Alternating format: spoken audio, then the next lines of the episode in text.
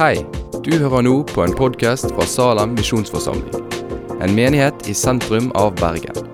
Vil du vite mer om oss eller komme i kontakt med oss, gå inn på salem.no. Ja, jeg må ærlig innrømme at liksom den siste halvtimen før jeg skulle tale nå, har vært på en måte som jeg ikke liker i det hele tatt. Uh, uh, jeg klarte ikke å få printet ut talen min, liksom. Prøvde flere løsninger, og det gikk ikke og det gikk ikke. Og jeg er sånn at når ting bare ikke går, så blir jeg så irritert. da.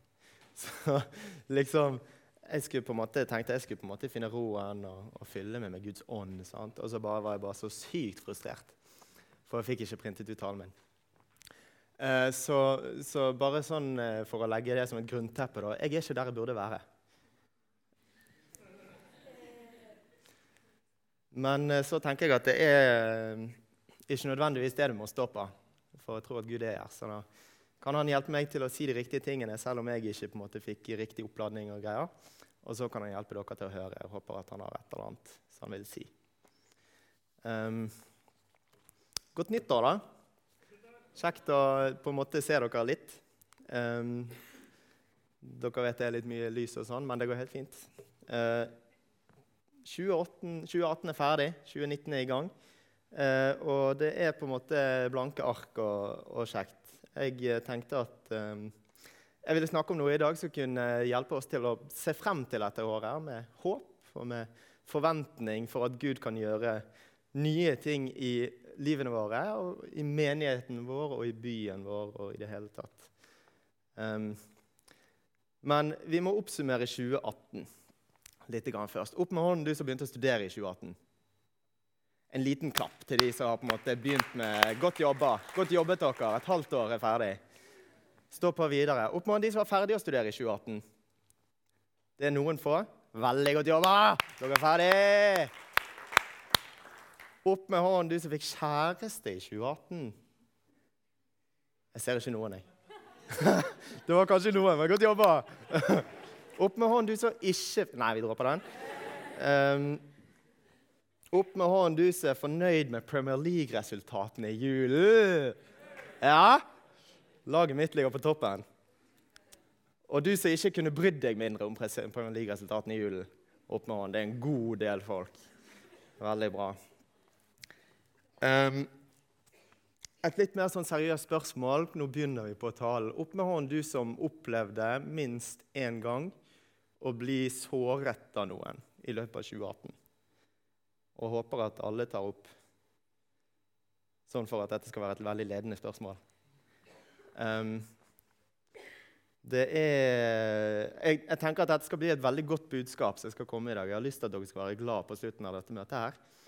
Uh, men ofte er det sånn at det går ikke an å egentlig oppleve den skikkelige gleden uten å på en måte forholde seg til at det fins vonde ting. da og at livet kan være kjipt iblant òg. Um, og det er uunngåelig når vi går gjennom et helt år og et liv, at, at vi opplever kjipe ting og skuffelse og smerte. Um, det er ikke til å unngå hvis du tenkte at du, det skulle gå an, at du ville få oppleve et lykkelig liv og aldri bli såret, og sånn, så på en måte kan jeg bare si at det kan du bare glemme. Det går ikke an. Det funker ikke. Det går ikke an i dette livet her. Eh, Sigvart Dagsland har en fin sang som heter 'Sangen om gleden'. Så handler litt om dette her, og Han sier at du som tror at himmelen blir til i ditt eget skjøre hjerte uten litt gråt og fødselssmerte, må ha glemt hva glede er. Eh, livene våre er litt sånn glede og sorg. De går ofte litt hånd i hånda. Eh, og det ene følger ofte det andre. De gode nyhetene som jeg tenker at jeg har lyst til å si i dag, det er at vi tror på en Gud som elsker å gjøre nye ting. Um, han elsker å gjøre nye ting.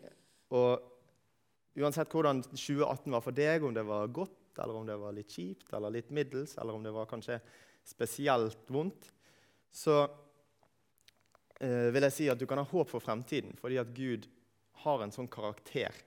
Det er innbygget i han at han elsker å gjøre nye ting, og han elsker å ta det som er gammelt og grått og vondt, og skape noe nytt og vakkert ut av det. Og Da skal vi lese teksten som du sa riktig nummer på. Jesaja 43, 18 og 19. Og jeg leser det på bergensk. Dere skal ikke minnes de første ting. Ikke tenke på det som hendte før. Se, jeg gjør noe nytt. Nå spirer det fram. Merker dere det ikke? Ja, jeg lager vei i ørkenen, elver i ødemarken. Og ut av ørkenen, det som er tørt og livløst og stygt, så kan Gud skape noe. Skjønnhet og skape liv. Og jeg liker å gå litt sånn um, struktur, strukturert Nei, ha litt struktur på talene mine. Så jeg skal snakke om at Gud har gjort nye ting. Vi skal lese om, om et sted Gud har gjort nye ting. Vi skal lese om at Gud gjør nye ting, og at Gud skal gjøre nye ting i fremtiden. Um, så er det kanskje greiere for dere å henge med òg. Gud har gjort nye ting. Eh, Bibelen er full av historier om folk som opplevde Guds nyskapning i sine liv. Og så tenker jeg på én ting, Om vi kan bli enige om én ting Nå skal vi lese om en historie om en person eh, i Bibelen. Kan vi bli enige om at eh, den personen var et helt vanlig menneske? Og det kunne like gjerne vært deg, den historien var skrevet om? At det, det, det er ingen supermennesker i Bibelen. Det er ett supermenneske i Bibelen, som var Gud og menneske. Og utenom han var det ingen supermennesker. Det var vanlige mennesker som ble født på samme måte som meg og deg. Um, de er ikke så annerledes enn oss, men de ga livene sine til Gud. Ofte. Um,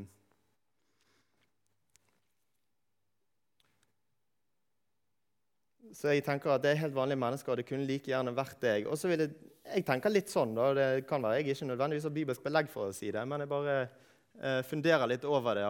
At, om kanskje det er litt sånn av og til at de tingene som skjer i mitt liv, på en måte er hendelser og greier og historier som kanskje til og med kunne stått om i Bibelen.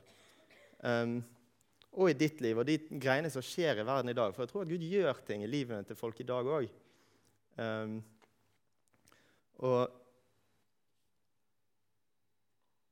og Gud handler både med sin nåde og sin kjærlighet alt sammen i både mitt og ditt liv. Og jeg tror at av og til så trenger vi bare å lære oss å, å, å se det. på en måte og lære oss å ha øyne til å kunne klare å se Guds små sånne fingeravtrykk i livene våre. Og så er det at Bibelen er ikke nødvendig, altså, Bibelen er en samling av historier, men så handler Gud utenom der òg. Gud handler rundt omkring. I, og hvis du tenker at å, skulle ønske det som står i Bibelen, kunne skjedd med meg Det kan være det allerede har skjedd med deg, men, og så klarte du bare ikke å se det. Um, så jeg tenker at De folkene i Bibelen de var mennesker. Gud handlet i livene deres. Du er et menneske, og Gud kan handle i ditt liv på akkurat samme måte.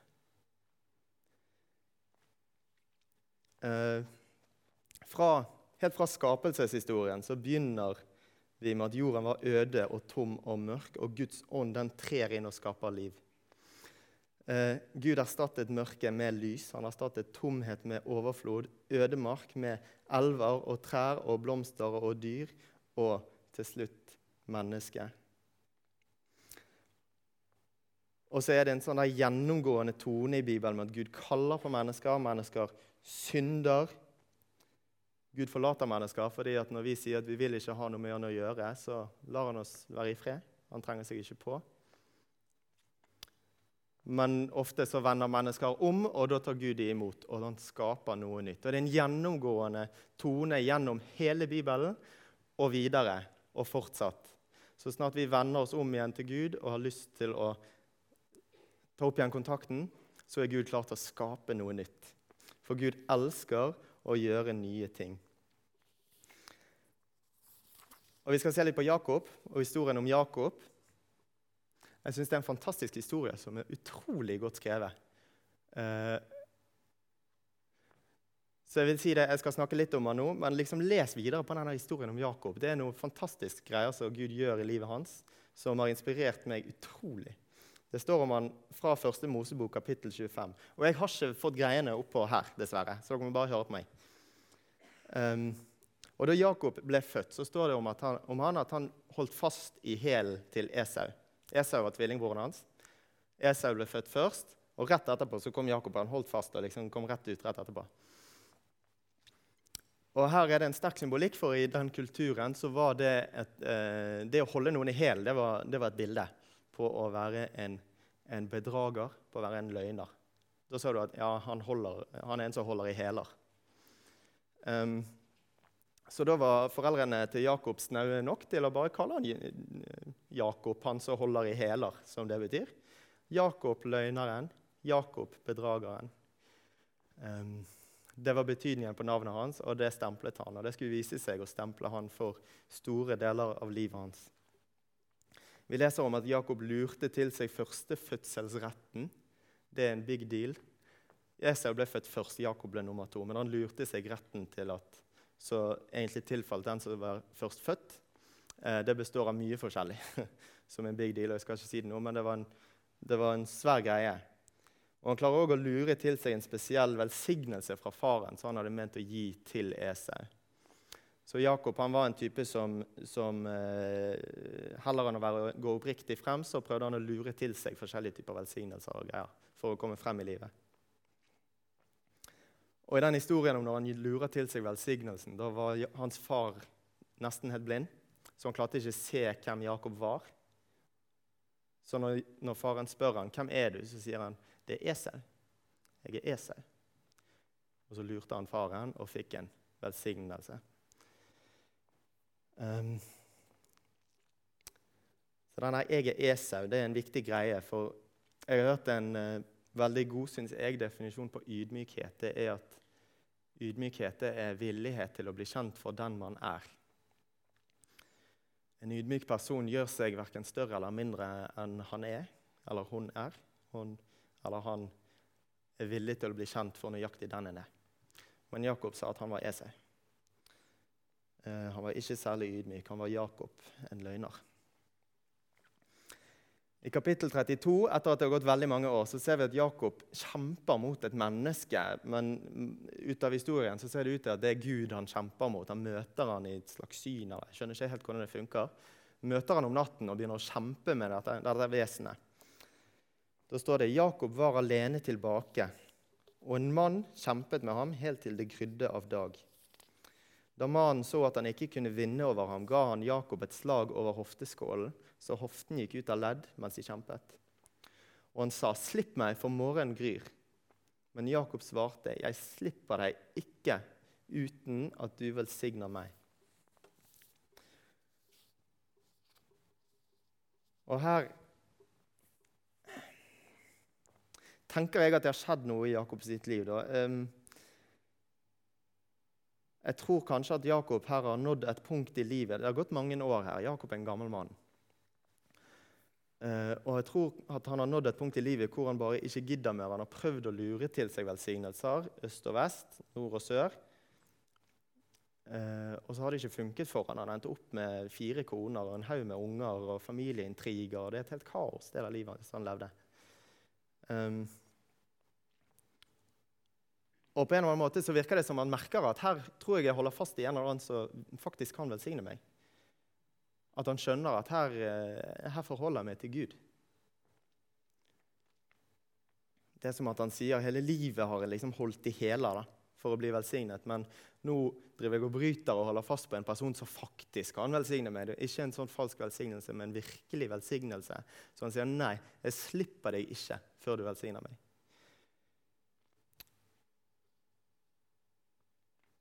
Og så spør Gud han, hva er navnet ditt. Videre i historien. Hva heter du? Og Da svarer Jakob enkelt og greit. Jeg heter Jakob. Jeg heter løgner. Det er den jeg er. Men da svarer Gud at du skal ikke lenger hete Jakob, men Israel. For du har kjempet med Gud og mennesker og vunnet.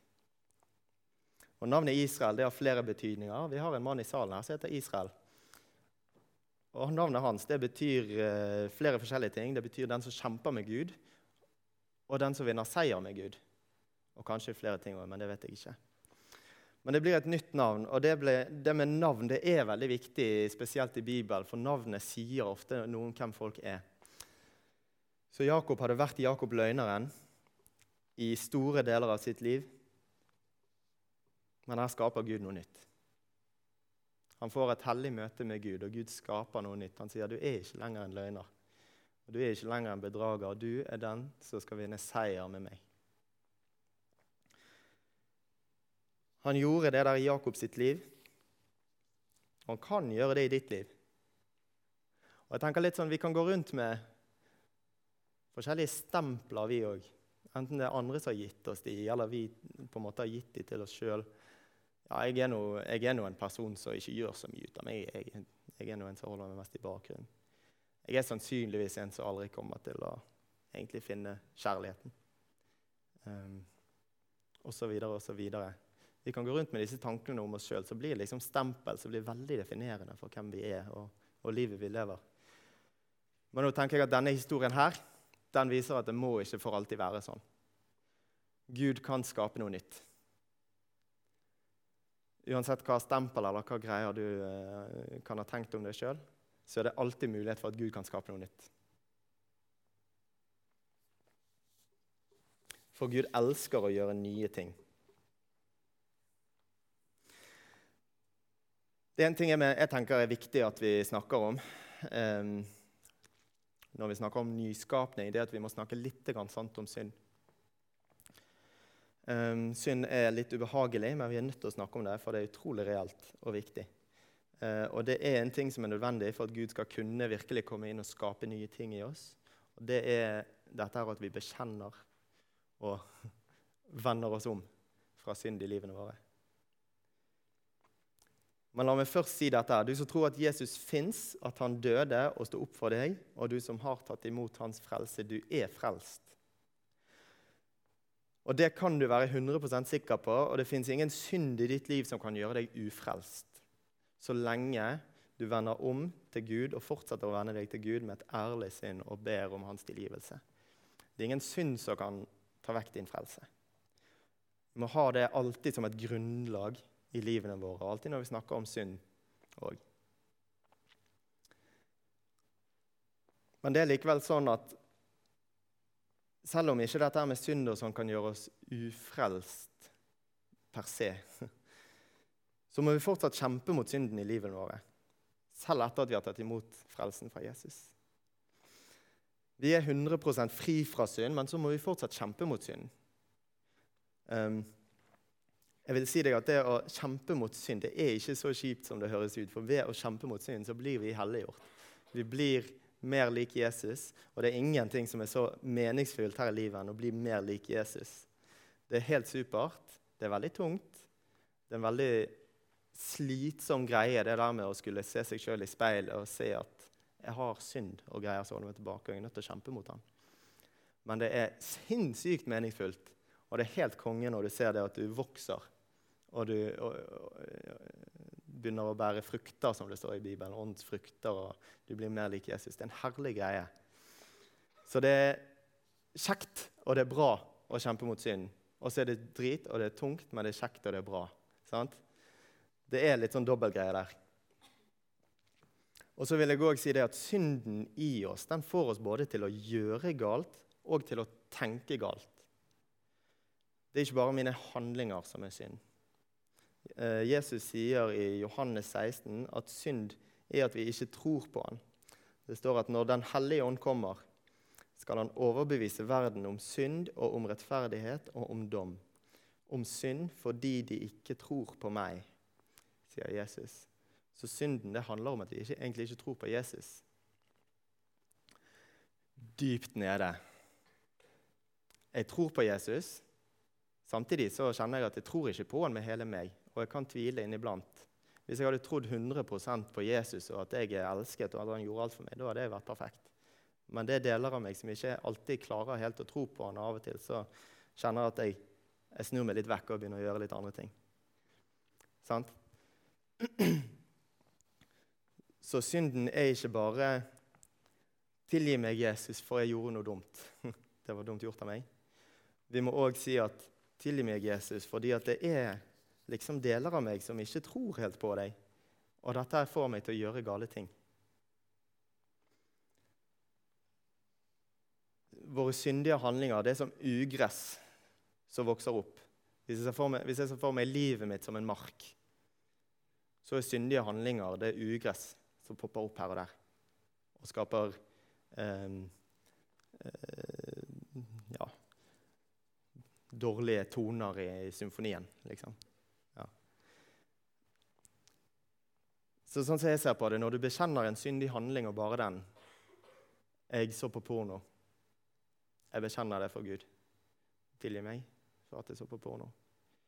Ser jeg det sånn at du, du, liksom, du klipper av toppen av jordgresset? Den, den, syndige, den, syndige handlingen den er tilgitt, og den er vekke. Um, men det er en rot som står igjen.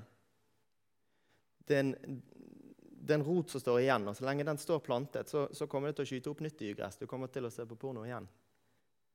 Fordi at du gjorde ikke noe med roten. Hva er det som ligger under her og gjør at jeg føler at jeg er nødt til å se på porno? For eksempel. Um,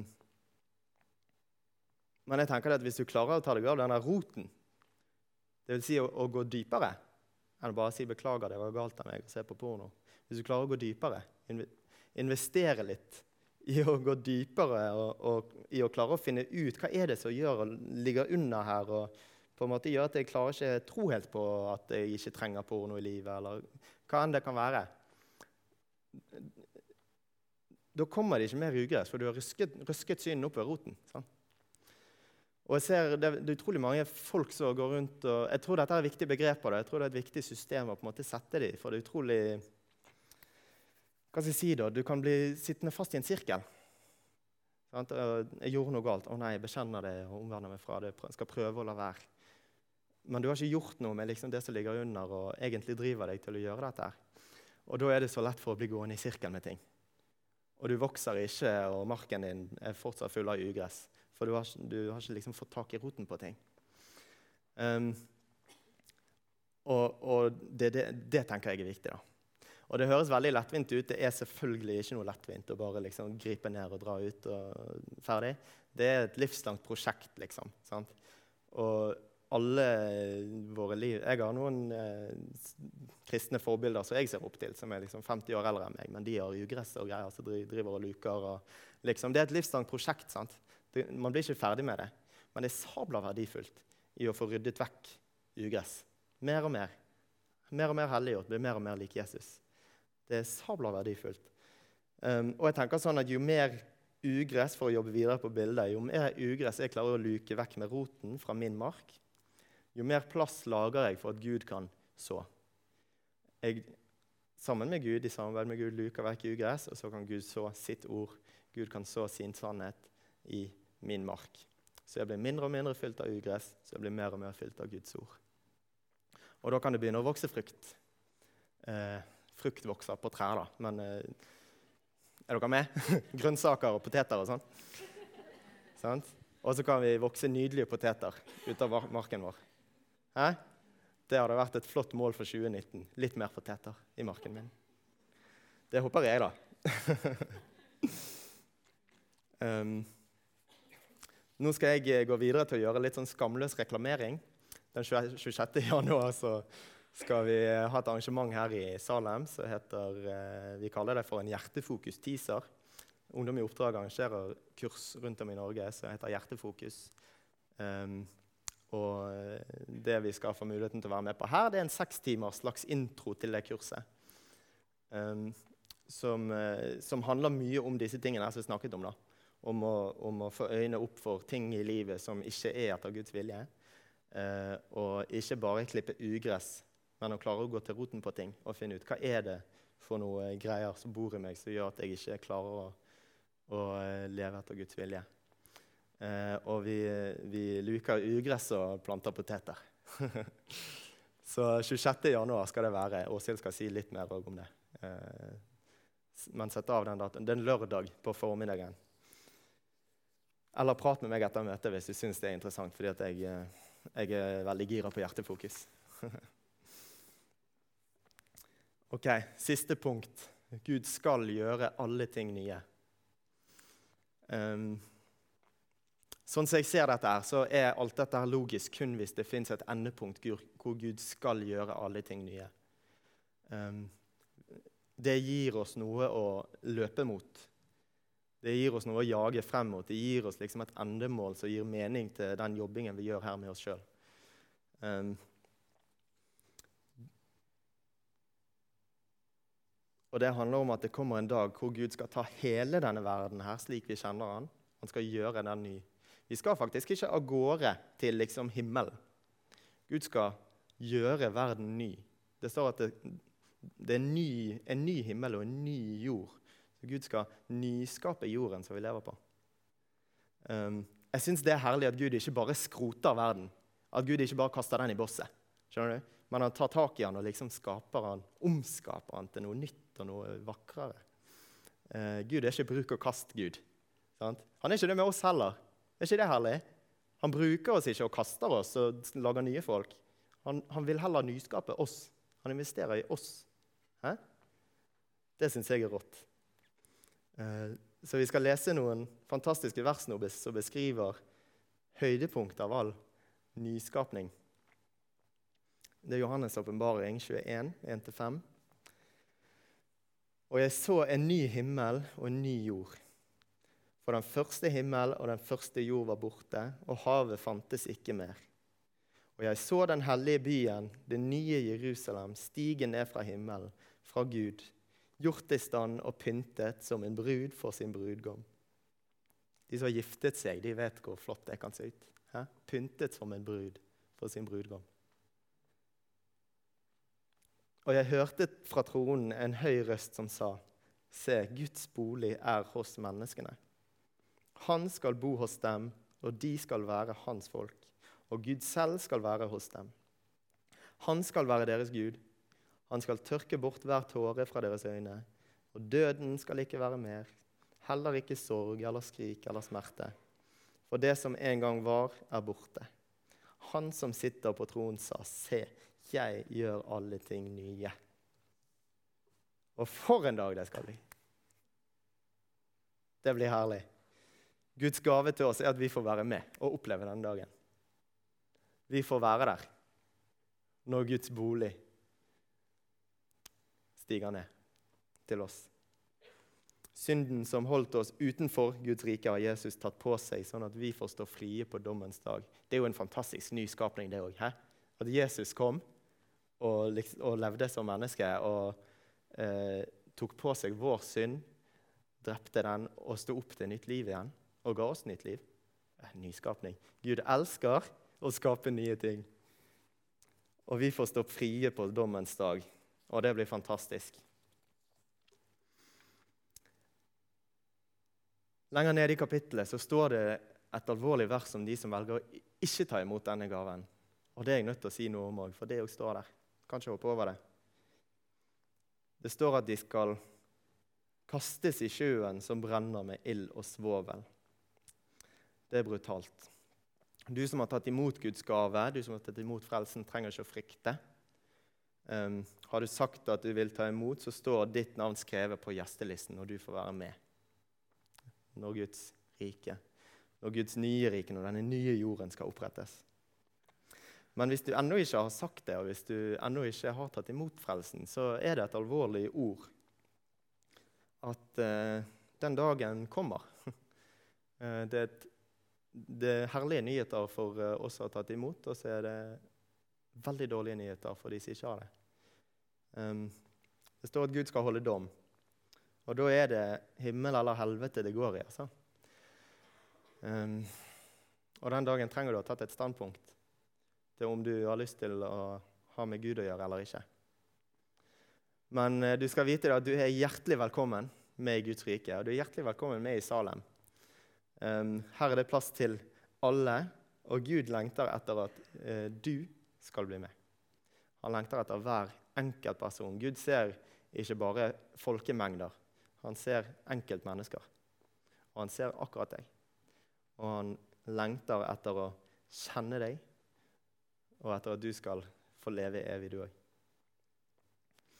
Uh, du kan velge det i kveld hvis du vil det.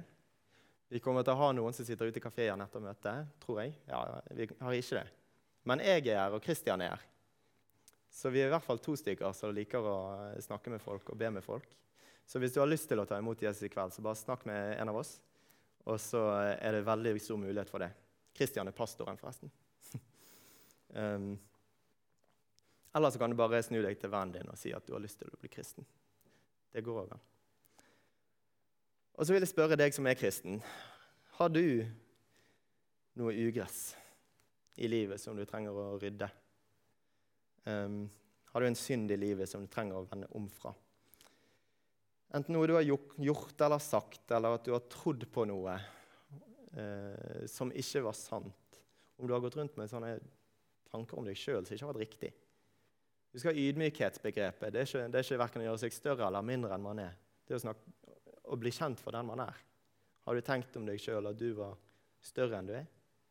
Eller har du gjort deg sjøl mindre enn du er ved å gjemme deg i sosiale sammenhenger og, og sånn? Um, si det til noen. Bekjenn det liksom for noen.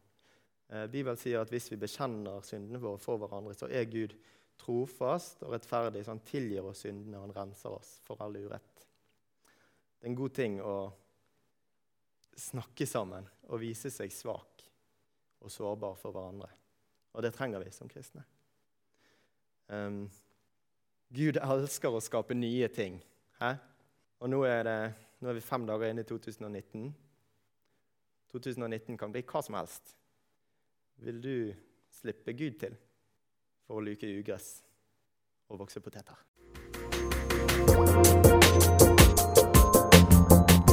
Takk for at du har hørt på podkasten fra Salem, Bergen.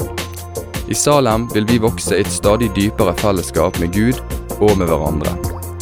Vi vil være Jesu hender og føtter, og vi vil være med og forkynne frelse for Bergen og resten av verden.